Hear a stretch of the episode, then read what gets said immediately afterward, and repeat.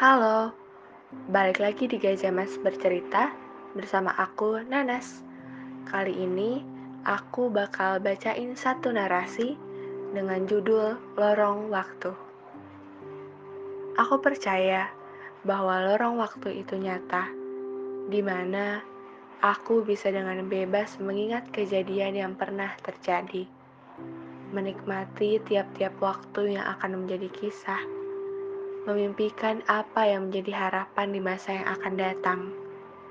Selasar, jam kosong, kantin adalah perantara untuk memasuki lorong waktu.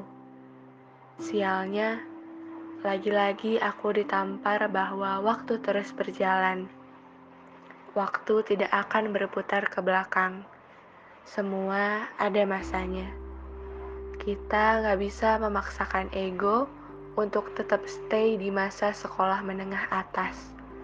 Seperti saat ini, di mana banyak sekali ungkapan-ungkapan sekolah menengah atas adalah masa yang amat indah, bukan? Menerima realita bahwa nanti kita tidak lagi bersama-sama adalah hal yang mungkin tidaklah mudah. Menertawakan lelucon teman sebangku, hal-hal konyol yang aku lihat, berlari memutari lapangan, kejadian-kejadian yang pernah terjadi di bangku sekolah ini pasti akan menjadi cerita yang membekas dan akan aku ceritakan di masa tuaku nanti. Cerita indah di bangku sekolah ini akan abadi dalam lorong waktu. Memori ini akan berputar mengiringi tiap langkahku. Semua yang telah terjadi tak ada yang kusesali. Aku bersyukur. Terima kasih telah membersamai ya.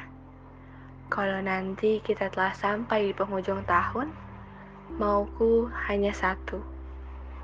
Kita tidak asing. Terima kasih. Sampai bertemu di podcast selanjutnya. Dadah.